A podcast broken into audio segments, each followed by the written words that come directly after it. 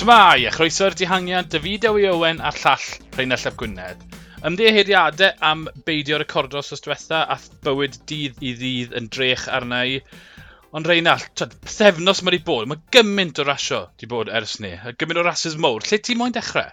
O na, mae hwnna'n gwestiwn da. Wel, wedyn ni, man y man i ni gychwyn gyda'r un diweddara yn enwedig o, o gofio pwy mor herfeddiol, beiddgar oedd yr ymosodiad yna gan Remco Efnapŵl yn Liege, Bastonia, Liege. Ti'n bod, pryd oedd y trydwethau ti weld ymosodiad mor bell a hynny mas, mae hwnna'n eitha hen ffasiwn, ti'n bod, ond dyna natur rasio dydde, ma, ond y fe.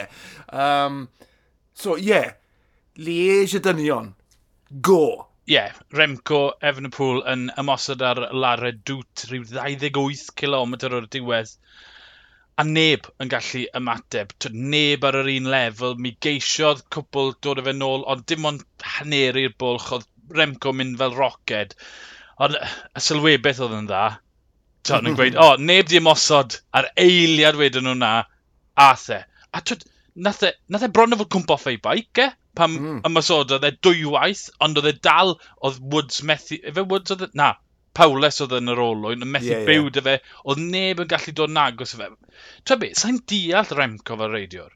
Mae'n mae rhywbeth odd. Twyd, mae, twyd, mae Wout Van Aert a Matthew Van Der Pôl yn twyd, bwerus, maen nhw'n lli ymosod, a twyd, mae'n cic dyn nhw.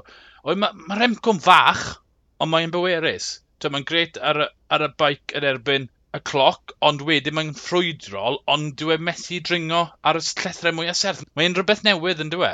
Odi, a mae'n bosib iawn, dyw e i hunan ddim cwaith yn deall y fath o feiciwr yw e. A, a dwi dati fyna, mae fe, ma fe yn benbleth yn sicr. Beth yw e?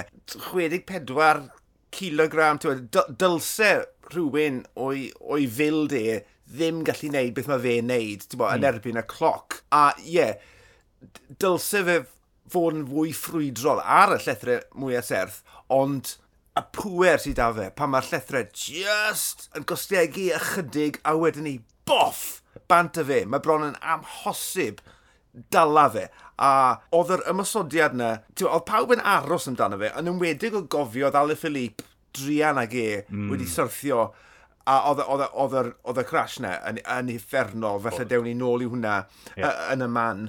Ond, oedd na ddau ddewis, ar y dydd, Alaphilippe a wedyn ni Remco o The Foil. So, oedd pawb yn disgwyl rhywben bydde Remco yn mynd, ond gyda Alaphilippe yn yr ambulance, yn bendant o ddim ni fynd, ond y, y syndod oedd bod wedi gadael e gyhyd a bod wedi mynd reit ar y top.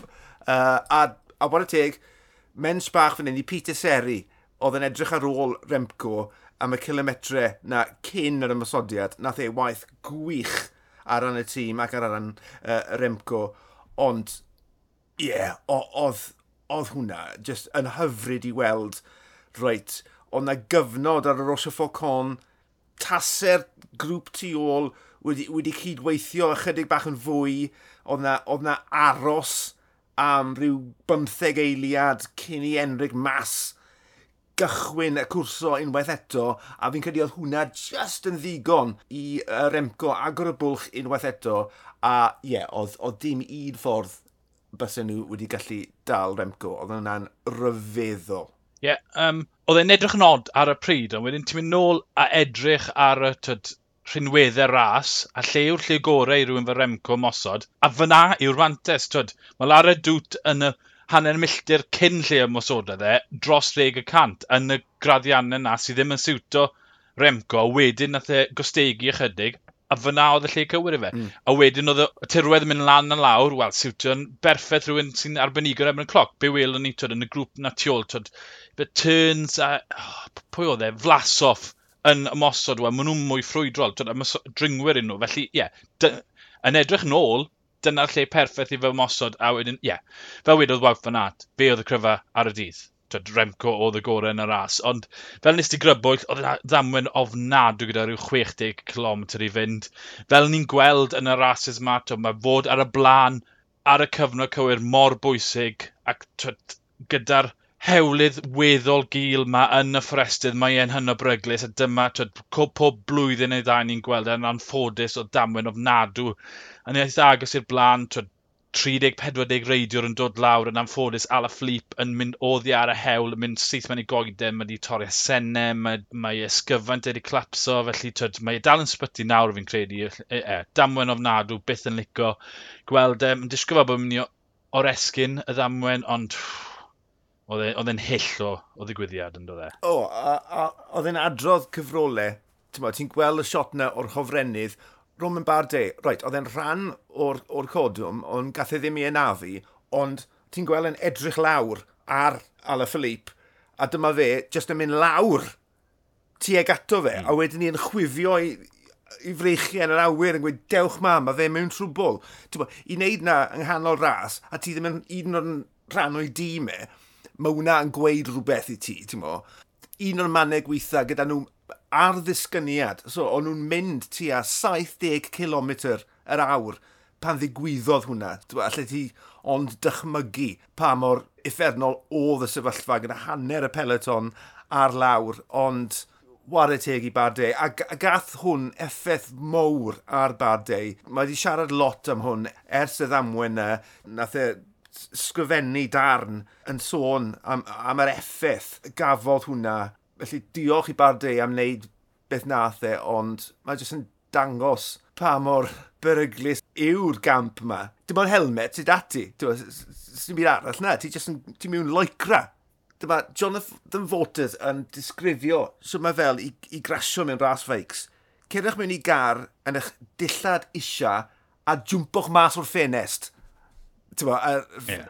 40 milltir yr awr. Dyna beth mae'n timlo fel i grasio mewn ras feics. Felly, pob hwyl i Ala Philippe, ti'n bod, nath ei grasio yn y ras cyn fyd. Felly, ti'n bod, mae wedi bod yn ei chanol i yn ddiweddar, uh, ond gobeithio i weld e yn ôl ar yr hewl mor gynted a phosib. Ie, yeah, uh, rasio ar yr hewl fawr mae e'n beth pryglis yn anatod i wneud, ond fel tyd, pob damnau arall, gobeithio gweld Ala Philippe un yn iach, bod yn gael ysbyty, ond bod ni'n cael gweld yr athletwr a fi, achos mae'n un o'r gorau yn y byd. Y prysur well llad i fe. Draw yn ras y mynywod, diwrnod anemig flan flyto oedd e o'r diwedd wedi ymosod trwy'r clasuron i gyd a pawb yn ei dilyn hi ymysodiadau ffrwydro ar y ladra dwt a cot yr osio o'r diwedd yn claddu pawb tu ôl i hi a hi oedd y cryfa. O, oh, bendant. Ath i ar y ladra dwt ond am gyfnod fe nath Ashley Moleman, Demi Follering, Longa Borghini, fynd, nath nhw lwyddo ddal yr olwyn, ond wedyn ni Fan flwt yn, yn, yn torri'n rhydd, dal y dihangiad oedd ar flaen y ras, mynd reit trwyddo, ond beth oedd yn syni fi, Marlene rwsa, nath i ddal yr olwyn, hmm. oedd mm. Fan Flwyter mas o'r cyfrwy, yn taflu'r beic yn chwyth ar dde, a oedd Rwse arbenigwraig yn erbyn y cloc, yn y cyfrwy, a oedd dim jibs o gwbl yn ei wyneb. Oedd hi, fel tasodd hi, just yn hollol gyfforddus. Ar y pryd ni, o'n i'n meddwl, tiw, mae hon ar, ar ddwrnod gwych. Gall, gall hwn mynd un ffordd i'r llall. Ond fel ni wedi gweld gyment, mae yna ymdrechion drachefn wastod yn y banc gyda Van Vlerte a dyna beth nath wneud i, i, i Anemiec Van Vlerte bod nid yn unig bod wedi ymosod ar Lara Dwt, ond wedyn ni oedd na ymosodi'r arall, ac ymosodi'r arall. Ti'n ti neud na tan bod ti'n torri'n rhydd am y tro ola, a bo, sawl gwaith i ni wedi gweld hyn o'r pencampraig yma. Ie, yeah, mae'r diweddglo newydd yn wneud y ras cymryd mwy diddorol. Dyd Rocha Focon yn dod rhyw 20 km o'r diwedd, a wedyn mae'r dysgyniad na sydd ddim cweit yn disgyniad pyr yn golygu bod na bwer, yn golygu bod cyfle gyda'r grŵp tu ôl. To'n nhw fewn deg eiliad ar un pwynt, a wedyn Flan yn cario man y weithio cwbl yn y, yn y grŵp tu ôl, yn, yn ystod fyny, yn trio cario coesau, a wedyn yn colli. Tyd. Felly fi'n fi, fan mawr o'r diweddglo na. Er, mm. tyd, er bod gan amla, pwy bynnag sy'n dod dros y uh, uh, cwrdd Rochefort Con yn, yn y blaen sy'n ennill nawr, ond mae e, mae'r tensiwn na reit nes y diwedd, achos twyd, byddai ti'n gweld hwnna, 10 km i fynd, 10 eiliad o fwlch, mewn, mewn hewlydd mwy eang, wel ti'n gweud bod bron dim unrhyw cyfle gyda'r uh, arweinydd unigol na, ond ie, yeah, mae'n mae agor mas a mae'n mae, greit o ddiweddglo a be welon ni yn y diwedd gyda'r ddwy ras yma, Annemiek van Vleuter a Remco Evenepoel oedd y cryfa heb os ag i bai.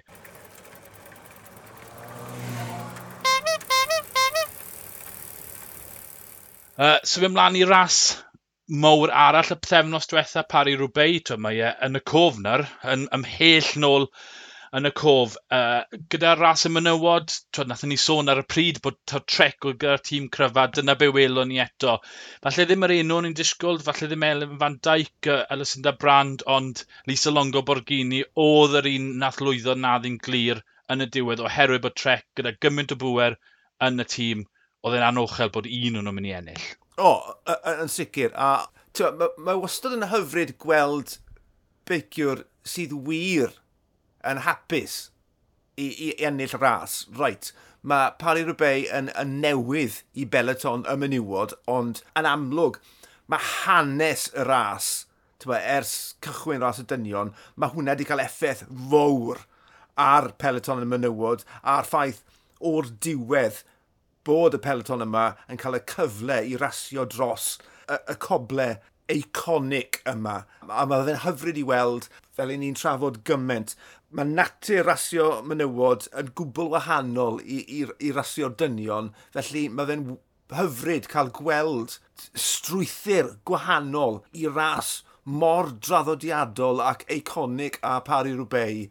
A ie, yeah, gweld Longo Borghini e, e, yn torri'n rhydd a'r holl gofleidio yna ar ôl croesi'r linell, e, oedd e jyst yn rhoi gwen ar y wyneb. Ie, yeah, gret gan, gan Trek. Sal gwaith i ni wedi trafod cryfder Trek a SD Works mm -hmm. Gydol y, y tymor a y gobeith yw nawr bod mwy o, o, o rasio ar y tyledu, mae hwnna'n mynd i annog y, y peleton menywod i, i, i ymgryfhau a bydd y tîmau wedyn ni'n ymgryfhau a bod ni'n mynd i weld mwy o dîmau yn gystadleuol o fewn y rasis yma.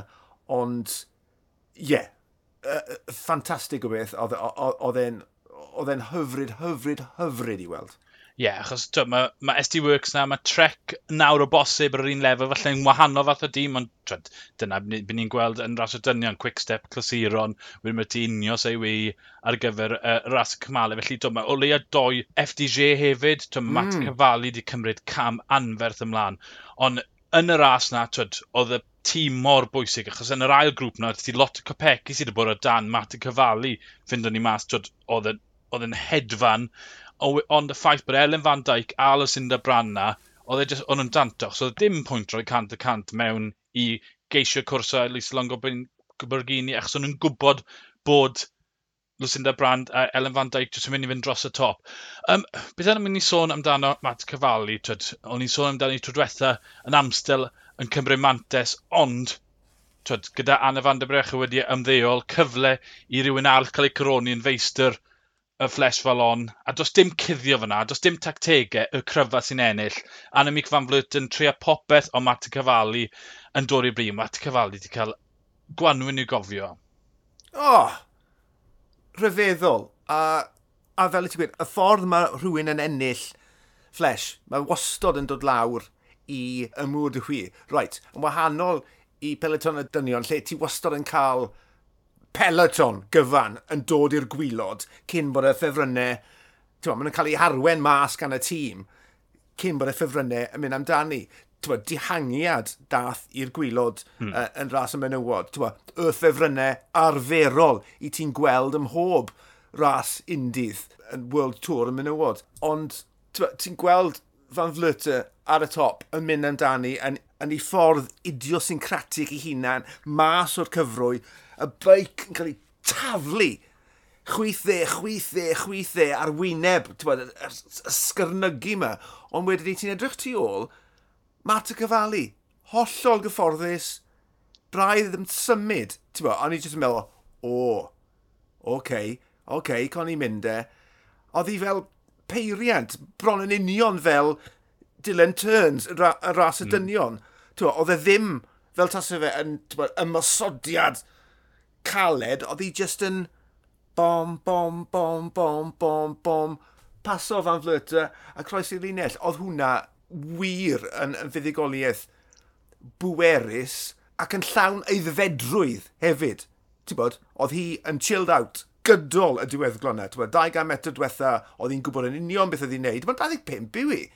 A oedd hi jyst yn mynd, gwybod beth oedd hi'n neud, gwybod beth oedd hi'n neud, tera fan flwyter, wrei, flesh well on, thank you very much. Oedd e'n wych yr eiddfedrwydd i'r peth pwysig fyna, oedd Anna van der Brecha yn disgrifio sut oedd ennill uh, Flesh Falon, a ni'n gweud taw y peth pwysig oedd i nabod corff dy hunan.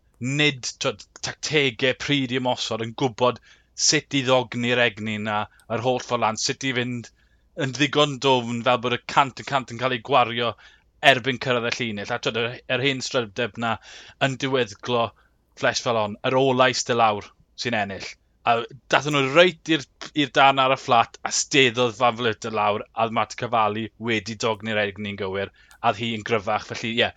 chwarae teg i hi a twyd, un sydd wedi cymryd cam enfawr mlaen eleni a fi'n credu bod y tîm hefyd yn cryfaio amgylch i gyda Grace Brown hefyd yn disgwyl dda. Felly twyd, gobeith blwyddyn nesaf bydd FTG yn cryfau unwaith eto. Draw yn Flash fel on, y dynion, Dylan Turns yn curo'r hen feistr fel ar ei drola fe. Twyd, o'n i moyn, o'n i moyn Falferde ennill. Tyd, Na, dwi da ti yna. 15 mlynedd yn ôl mae wedi gwneud lot, ond oedd e o'r era yna lle oedd y cyffuriau, o'r rhaid i Gymru cyffuriau i fod yn gysadleuo. Felly, twyd, mae wedi, mae wedi, mae wedi eistedd mas am, am rhai blynyddoedd, mae wedi dod nôl yn 42, wel, 42 tra bod ni'n recordo, am 41 ar y pryd. Bydde wedi bod yn ddiweddglo perffaith i werfa fe, ond twyd, dyna rasio. Y cryfa sy'n ennill, dim y, y stori tylwyth teg yw i fel arfer. A Dylan Turns mae wedi bod naddo ers rhai blynyddoedd i allu feistroli'r uh, murder hi a na beth ddigwyddodd eleni. O oh, ie, yeah. a tyw, fel, fel ni'n crybwyll uh, yn ystod y drafodaeth am brasa menywod, oedd e'n berfformiad eiddfed iawn, oedd e'n gwybod yn union beth oedd e'n neud, oedd na ddim hyrddiad mawr, just just symud i'r linell erfyn nath e'n neud. E- oedd e'n ffrwydrad o gwbl Falferdi, ie, yeah, dwi dati, bydde hwnna wedi bod yn ddiweddglo perffaith i wyrfa ac i ennill pimp fel Eddie Merckx. Bydde hwnna wedi bod yn ddiweddglo hyfryd i'w, uh, i'w yrfa fe. Ond, what y teg, wedodd Falferdi, roedd dod yn ail y diwrnod hynny, mwy na lai fel ennill. Ti'n bo, rhywun o'i oedran e yn gallu cwffio gyda'r gore o'r peloton fodern a dal just yn gorffen cwpl o fetre tu ôl yr enillydd. Felly, oedd eich rhoi persbectif ar yr holl beth, a oedd hwnna'n hyfryd i weld bod e'n gallu derbyn ail uh, yn y fath fodd. Um, Bahrein, fe, fel tîm, o'n nhw'n weithgar gyd, gydol y ras. Bo, ar ôl y tro cynta um, dros, dros y mŵr, oedd na sôn am, am Groes wyntol, so dath y tîm i gyd i'r blaen. O'n i ddim just really ddim yn disgwyl gweld hwnna mor gynnar yn y ras, ond Stevie Williams, ba, i ras gynta fe ers Valenciana y, y mis Chwefror, hyfryd gweld e'n ôl, a hyfryd gweld e yn torchi llewis gyda gweddill Bahrein yn y gwynt. Felly, ti'n fel wedi si ar Twitter, pob lwc iddo fe am weddill tymor. Uh, gobeithio gweld pethau da oddi wrth y Cymro cyn diwedd y flwyddyn. Ie, yeah, mae mas yn Roman di ar hyn o bryd yn rasio, mae y Geraint mas na. Gryf falle erbyn diwedd y recordiau, byddwn ni'n gwybod amser Geraint yn uh, ras yn ebyn y cloc. Yn gen, gen i weld, ie, yeah, greit gweld yn rasio, dim ond, ie, yeah, tridiau mae di rasio, ond mae'n edrych fel bod e'n cnoc o'r y drws o, o o'r hanner ucha tîm Bahrein, achos mae yna, ma na rwy, dim rhwyg, ond mae yna ddau lefel wahanol yn tîm Bahrein. Mae'r tîm twed, gyda Haig a gyda Dylan Turns a Mohoric, y rhai sy'n ser, y rhai sy'n mynd i fod yn tîm Tôr y Ffrans, a wedyn mae yna, mae yna garfan B a C. Uh, felly twed, mae'n disgwyl Mae yna golygn un dda ar gyfer dyfod o Stevie Williams, bod ni'n cael ei bigo ar gyfer Fresh Wallon o ystyried cyn lleied o rasio mae wedi bod yn neud. Um, Cwpl o bethau arall pwynt y trafod o Fleshalon, Flasoff yn drydydd. Do fi'n credu ni'n dechrau ers y clo mawr pam ddath e, twyd, on, dim ond unlle, ond gymrodd e cam mowr ymlaen. Fi'n credu bod ni'n gweld na rhyw bod Flasoff yn debyg i Dani Martinez, twyd, rasiwr undydd wythnos yw e. Twyd, mae'n ymwysodol, mae'n gallu ffrwydro oedd yn ymwysod yn Liege. A fi'n credu bod ni'n gweld datblygiad rhywun sy'n mynd i fod yn cystadlu am y, uh, rhasys aden am flynyddoedd i ddod. Talent a hanner. Ar hyn mae wedi gyflawni mor belled uh, yn y tymor. Mae wedi symud tîm, a mae fe eisiau dangos ei hunan, ac yn sicr mor belled mae fe wedi, a, a dwi dati, mae fe'n ma fe creu nish bach i, i hunan, ond bo, dal yn ifanc, ti'n gawn ni weld yn union ble eiffe bo, yn y blynyddoedd i ddod. Ie, yeah, wel, mae'n ma, ma bosib bod ni'n gallu gwneud y cyfan. Uh, ta be, O'n i wedi colli'n benni bach gyda Pogaccia, twyd, o'n i'n meddwl mynd i ennill pob un ras nes diwedd y tymor. Felly syni braidd bod wedi cwpla yn y deuddegfa safle, ond to, mae yna ma na ddiwedd i'w dalent e, neu falle to breisiau i fi ddod i nabod i hynna'n yn well. Um, na ffodus mesodd y Liege achos twyd colled uh, yn y teulu, felly twyd gobeithio gweld e nôl yn rasio yn fian. Um, ie, yeah, cyfchar am rhywbeth y dynion a perfformiad eithriadol o grif gan unios yn rhwygo ras 210 km i fynd yn y croes wynto. Tyd y shot na o quick step yn edrych draw at Luke a gweud beth i chi wneud o mor bell e hyn o'r diwedd y Luke jyst mynd na, ni'n mynd. A tyd, y grŵp blan gyda tyd, digon y quick step a rhan fwyaf o unios a wedyn Matthew van der Pôl yn cael ei gadl ar ôl, Wout van Aert cael ei gadl ar ôl. Oedd e 210 km o diwedd ym Mhari Rwbeu, Reinald. Ie, yeah, wel, gymaint ni wedi trafod am y ffordd mae natur rasio uh, wedi newid dros y cwbl o ddynyddau diwetha. A yn credu mae y clo mawr wedi, wedi cael effaith fwy fwy ar y peth a hefyd y ffaith bod y tyledu mlaen lot yn gynt felly mae hwnna'n mm. angnog bobl i, i fod yn fwy ymasodol. Ie, yeah, mae'r mae newid yn, yn hîm clasuron unios wedi bod mor, mor amlwg. Rhywbeth oedd wastad yn plan B. Bo, as in, Tôr de France, Tôr de France, Tôr de France. Dwi'n hwnna oedd yn DNA Team Sky, ond on nhw hefyd gyda Geraint a Luke ac yn y blaen yn mynd am y clasuron, ond byth coet yn bwrw'r nod.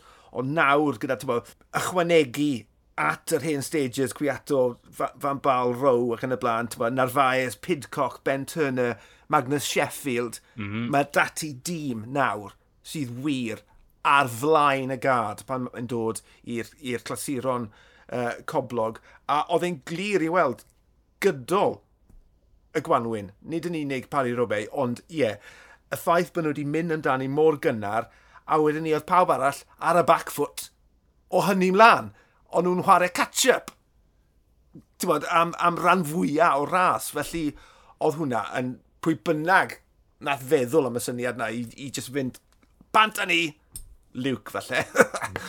um, oedd e'n ffantastig. A am ddominyddiaeth, am ddominyddiaeth. Oce, okay, gofyn ar, mae ma gymaint i weid am y ras hyn. Trial cadw e dan 5 munud. Um, ie, yeah, mae gymaint o newid wedi bod, hefyd yn y car, twyd, Roger Hammond nawr sy'n yeah. gyrru'r uh, tîm y clasuron, mae twyd, Ellingworth gyda mwy o rôl brain llaw yn y tîm a rheoli'r tîm, felly twyd, falle bod hwnna'n yn esbonio'r ffocws. Ond ie, yeah, Tom Pidcock, seren Brydeinig, sydd sy, sy ddim yn mynd i fynd yr holl ffordd yn Tôr y Ffrans, siwr o fod, sy'n hollol gartrefol, seiclo traws ar y coble, felly twyd, mae hwnna'n rhoi calon y tîm Ben Turner, perfformio rhyfeddol, ond twyd, y ffaith bod y rhwyg na'r i digwydd, dathon nhw'n ôl gyda'i gilydd erbyn yr Arenberg, just cyn yr Arenberg, ond twyd, y gan yna yn clatio mynd yr holl ffordd i roi, twyd, nid yn unig o rhaid i'r ail grŵp na, gyda Matthew van der Pôl a Wout van Aert, ail ymuno, ond pob tro yn mynd dros sector y coble, oedd chwalfa yng nghefn y grŵp cyntaf yn golygu oedd e ddim yn just yn broses rhwydd o ymuno lan gyda grŵp blan, ond oedd rhaid ti mynd trwy, yr, y, y, dim y reidwyr diffigiol, ond y reidwyr wedi blino o'r grŵp blan. Felly oedd e, erbyn cyrraedd yr Arenberg, oedd Matthew Van der Pôl a Wout Van Aert yn hanner y reidwyr o nhw. A twyd, o, o styried, twyd, gath Wout Van Aert hefyd dau buncture, rhyfeddol nath e orffen yn ail. Mae wedi cael Covid hefyd. Twyd, well, performiad angredadwy gyda Wout fan i ddod mor agos yna i ennill yn rhywbeth. O ie, yeah. i gael puncture yng nghanol yr Arenberg. Ie. yeah.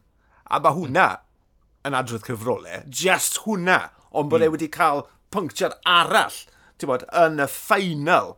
A, a hefyd, oedd e, e yn edrych nôl ar, y ras, ti'n mewn cyfweliad, ac yn sylweddoli o ble mae wedi dod yn ddiweddar yeah. a be ddigwyddodd yn y ras, mm -hmm. oedd e yn eitha balch gyda'r perfformiad. Hynny yw, oedd e'n gwybod, right, nath e ddim ennill, ond blinkin ec, mae hwnna'n gweud lot am ei gyflwr e, felly hwnna hefyd yn dangos ei fedrwydd. Ie, yeah. unios, eithon nhw lot o anffawd, ti'n ar, ar ôl wedwn ni ar ôl yr Arenberg, a lle oedd bod, y cardiau i gyd yn ei dwylo nhw, ond wedyn ni, Ghana, nath e bit, cwpl o punctures, mechanicals, nath bron bawb yn y tîm cael rhyw fath o anffawd. Ond yn y diwedd, Dylan Van Barle, oedd e ar ddwrnod eiraidd. Bo, bod e wedi gallu mynd trwyddo i'r blaen, a bod Ben Turner, ware teg i Ben mm -hmm. Turner, ti'n modd? Clas yn dweud.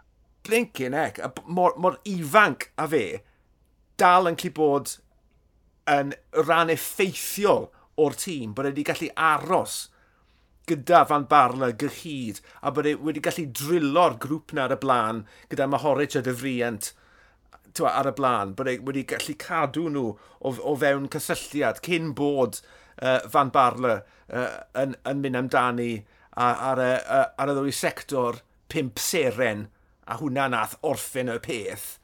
Canfon on pefel Van Barle jyst yn defnyddio inja neu jyst agor ag agor, agor y bwlch a ni Carfo de Labra. Tyra boes, erbyn diwedd Carfo de Labra, rhyw hanner, ca, yeah, hanner can eiliad gyda fe. A oedd jyst tywa, wawt a, a Cwng, ond nhw ddim yn gallu gwneud unrhyw beth am y sefyllfa.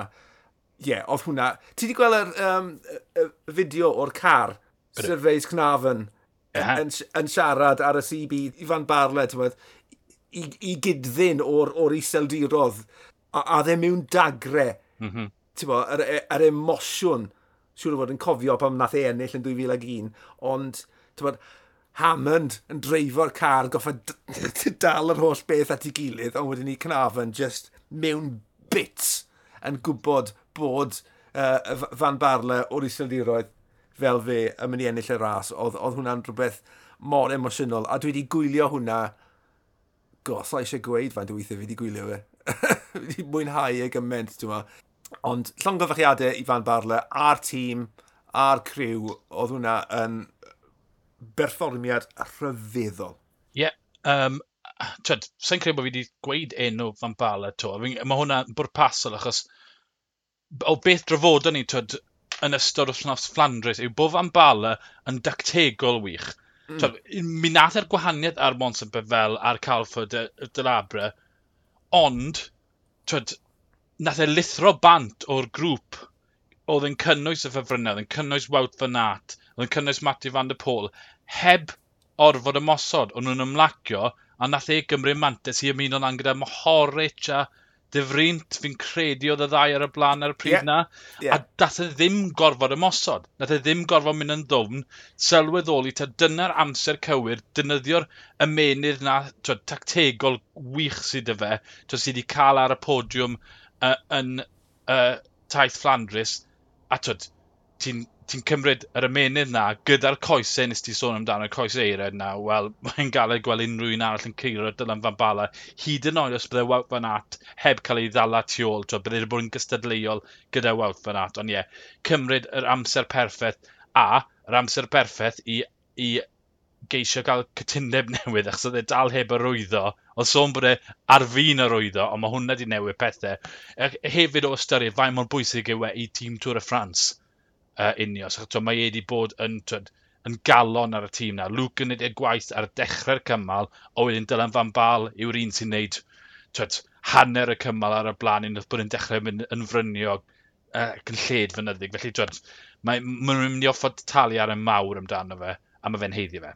O, oh, yn sicr. A ni wedi trafod droion am y ffordd mae Van Barle wedi newid i, i steil e dros y cwpl o fynyddoedd diwetha er mwyn gallu helpu'r tîm yn y mynyddodd. Uh, datblygu i fod yn rhywun sydd gallu bod yn, yn, yn o fydd uh, yn y mynyddodd fel un o'r beicwyr cynta yna uh, i, i, i dynnu'r uh, arweinydd. Uh, ond mae'n hyfryd i weld nad yw hwnna wedi effeithio ar ei goesau clasuron e.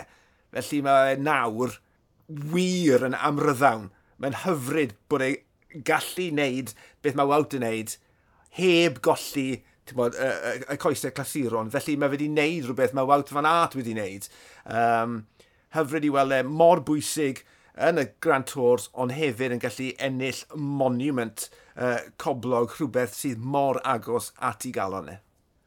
Ie, yeah, um, mae yna ma dynellu o rases arall fedrwn ni drafod, ond um, shout-out cyflym uh, i Zoe Baxted, um, uh, reid 17 mlynedd o pencampwr y byd uh, i, i ieuenctid ennill yr omlwp fan Bosley yn ennill y Cris Melin, Cris Gwyrdd ac ennill dau o'r tri cymal. Mae ma yna yn darall yn dod mas o'r stabl Baxted yn dos na.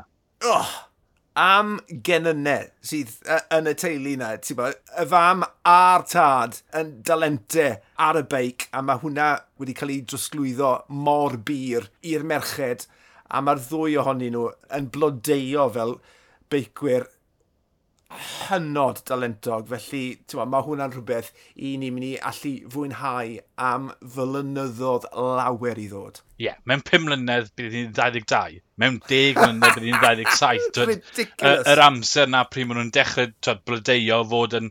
Ras, twyd, mae'n gweud taw coble yw ei chartre hi dyna be mae hi'n moyn. Dwi ddim yn moyn e, dwi, dwi, ddim, dwi ddim yn siwtio rhasys mynyddig, felly dwi, ie, yeah, merch i thad, merch i fa, pwerus. O fi'n fi, teimlo bach yn ei yn gweud oherwydd i'r hen un o, ond mae'n mae help mowr. Mae da rhaid nhw ennill y rhasys eu hunain, a twyd, chwarae teg i hi, twyd, yn claddu pawb arall yn y ras, a fi'n sicr welwn ni mwy o Zoe Baxted ac Ellen o Baxted yn y cwpl o flynyddoedd nesaf. Um, unrhyw ras arall ti'n mo'n trafod? Uh... Os, Yeah. Tour of the Alps. Ta be, switches i off. Switches i off, dy 2 km i fynd pam oedd un Tibo Pino, o'n i'n gwybod, o, ddim mynd i gael ei blincyn dal, a switches i off, y gwrthodas i watcho gweddill y ras oherwydd, o'n i'n mynd, o na, mae Pino wedi colli, ond yn illodd y cymal yn diwedd, wwhw! Do. mae fe nôl. Well, oh. Dyna oedd emosiwn y ras gyfan, yeah. dihangiadau, tensiwn, dyna beth oedd hi. Bouchard yn ennill, yn curo'r peleton, bod, cymal cynta, uh, Leonard Camna, cymal 3, Lopez, o, oh, yn, yn, yn dal... Diawl. Pino gyda 9 metr i fynd. O, oh, god, dimles i hwnna. Ond ie, yeah, cymal 5, Pino yn erbyn De La Cruz, oedd hi'n bwrw glaw, disgyniadau a ni'n gwybod y problem mae Pino wedi cael gyda disgyn yn y blynyddoedd diwetha a'r ffaith bod e wedi gwella gyment bod, wedi cael help seicolegol gyda disgyn a mae hwnna wedi gwella i ddisgyn e gyment ond bod, dyma'r diwrnod gweitha bydde ti'n dychmygu i uh, Pino geisio ennill ras. So, oedd e'n colli wrth fynd lawr, De La Cruz jyst yn agor y bwlch, wedyn ni, oedd e'n dal lan, ar y gwastadur, ond nhw dau gilydd yn dringo, a wedyn ni, ar ymosodiad na'r ddringiad ola, oedd Pino'n gwybod mae rhaid i fi gael bwlch cyn mynd ar y gori weired, mm -hmm. a gorodd e'r bwlch. A ho, just, nes i dimlo fe, a fi'n credu nath byd seiclo dimlo y ryddhad yna, y fuddigoliaeth gynta er tair blynedd i, i Pino, Lovely. Bade hefyd yn ennill mm -hmm. y mhm. dosbarthiad yeah. cyffredinol, so diwrnod hyfryd i'r Ffrancod, ond Pino. Oh. Methods, ie. Yeah. Methods, ie. Yeah. Ond gollen sy'n gobeth. Pan mae Lopez yn dod lan yn thing, switches i ofyn na fi'n methu handlo hon. A jyst nes i ddim gwylio'r diwrnod ar ôl ni, achos ni bach rhi upset, ond ie. Yeah. Mae'n wych cael yn ôl, ie, yeah, gobeithio gweld e yn dod nôl i'r hen Pino. Achos gallai fe di ennill y tŵr, yr un pan enillodd bynal, petase fe ddim wedi cwmpo, ond twyd, wastad y pino, petase, petase, petase, ond mae'n jyst yn gret cael yn go, cael yr un cwestiynau yna nôl, cael yr un emotion, cael fi switch off, a wedyn mynd, o, oh, mae'n i ennill! Piti bod e ddim yn i'r giro, actually. piti, Gyda'r coesi sydd â fe nawr, ti'n mo? Ie, yeah, mae'r ma giro yn llydan agored. Mae'r ti yr enw, ti'n disgwyl fod yna 78, ond dwi'n e beth di ennill giro, Mae ti Carapaz, ond ti'n gofyn cwestiwn o die wir, mae yn ymysodol, ond ydy e wir yn mynd i allu rheoli ras. Be sy'n be sy'n rhoi hyder i raswyr ffna yw dim ond 25 km neu 26 km o rasio yn erbyn y cloc, felly tyd, trydydd wythnos lle maen nhw'n mynd i fod yn clatio i gilydd, munudau, munudau. Ni'n mynd i weld un reidiwr yn tyd, goroesi ac yn blodeio yn y giro. Ond mae'n mae galed pigo ffefryn mowr ar gyfer y giro, ond dwi? E? Yn union. Ti di sôn am Carapaz a, a Yates, mae ma, ma, ma Bardet yn, yn amlwg mewn man gwych ar y foment. Tewa, rhywun fel Pelo Bilbao yn am, ma, mynd am gymalau bydd e'n neud fel ma, Van der Pŵl. Mae dati giaw ma tan talent a hanner, ond dwi, dwi e ddim wedi profi hynna'n mewn rhasys cymal mowr cyn sôn am, am, am Grand Tours yn y dosbarthiad cyffredinol. UAE, mae hwn yn ddiddorol. Mae da ti Almeida, o wedyn mae Formolo yn y tîm, a mae Formolo wedi dod mas a gweud bod rôl rydd gyda fe. A wrth gwrs, mae, mae oh, UAE lampre gynt un nhw, fe? So, basically, DNA eidaleg sydd gyda'r tîm yma, a, a Formolo eidalwr, ti'n o, odyn nhw rili really yn mynd i... Am o lisi na, mae e moyn, a mae Cofi moyn bach o sylw, mae Gafiria, wedyn mae Costa mynd i fod yn capten, sy'n golygu bod e'n mynd i fod yn mes. Lly ddechmygu sy'n mae Almeida yn tymlo, yn mynd mewn i'r ras yma, yn mynd, hold on boys, stop, biafiwch, come on. Gawn ni weld sy'n eif UAE, a beth neif UAE. Mae e'n foment mowr i Almeida, achos dyma ti Almeida, mae ti gig yn hat, mae ti... Twyd, oh, beth yw radio DSM? Sa'n gofio. Ond dyna'n union ymhwynt i. Mae ma reidwyr na sydd wedi dod trwyddo yn y giro na pam oedd y flwyddyn lle teio. Mae'r ma cwestiwn mowr ar y sgwyddyn nhw. Mae'n mae, amser nawr i Jao Ameida dangos taw reidiwr go iawn ar gyfer y dosbarthau cyffredinol. Nid just twyd, cymryd mantis o giro'r amser anghywir o'r flwyddyn. Mae, ma Mikel Landa mynd i fod yna yn reidio gyda Bilbao, ond ie, yeah, mae'n galed gweld Almeida'n ennill oherwydd mae yna reidwyr mwy pwerus eraill ac, ac mae yna lot o dalent yn unios. Ond ie, um, yeah, sioc gweld Matthew van der Pôl na. Um, bydde'n neis gweld e yn ennill cwpl gymalau cyn yn anochel bydde'n mynd gytre di pethefnos mewn gyda gweddill y gwybwyr achos sy'n pwynt mynd yn wrthos ola os mae e'n targedu Tŵr y Ffrans hefyd. Yn union.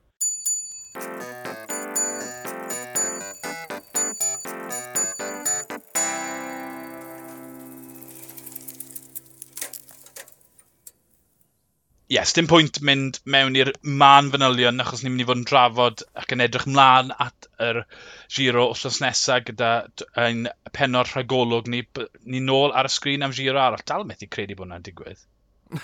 Gret yna. E? Ie, yeah, mae fe'n, os dyn taro fi fe bach yn od bod ni yn y giro. Ond, ie, yeah, cael tair wythnos o rasio gwahanol i fi. Mae Tôr y Ffrans gymryd o bwysau yn y Tôr y Ffrans, wedyn ti'n cael cyfle i weld enwau newydd ac ymwysodiadau. Mae'n lot mwy ffrwydrol na'r Tôr y Ffrans oherwydd bod e dipyn mwy agored. Wel, mae'r clasuron ar ben, y giro i ddod wrth nesaf, ymunwch dyn ni bryd ni ond y fideo i Owen a'r llall Rhain a Llyp Gwynedd, ni o'r dihangiad, hwyl.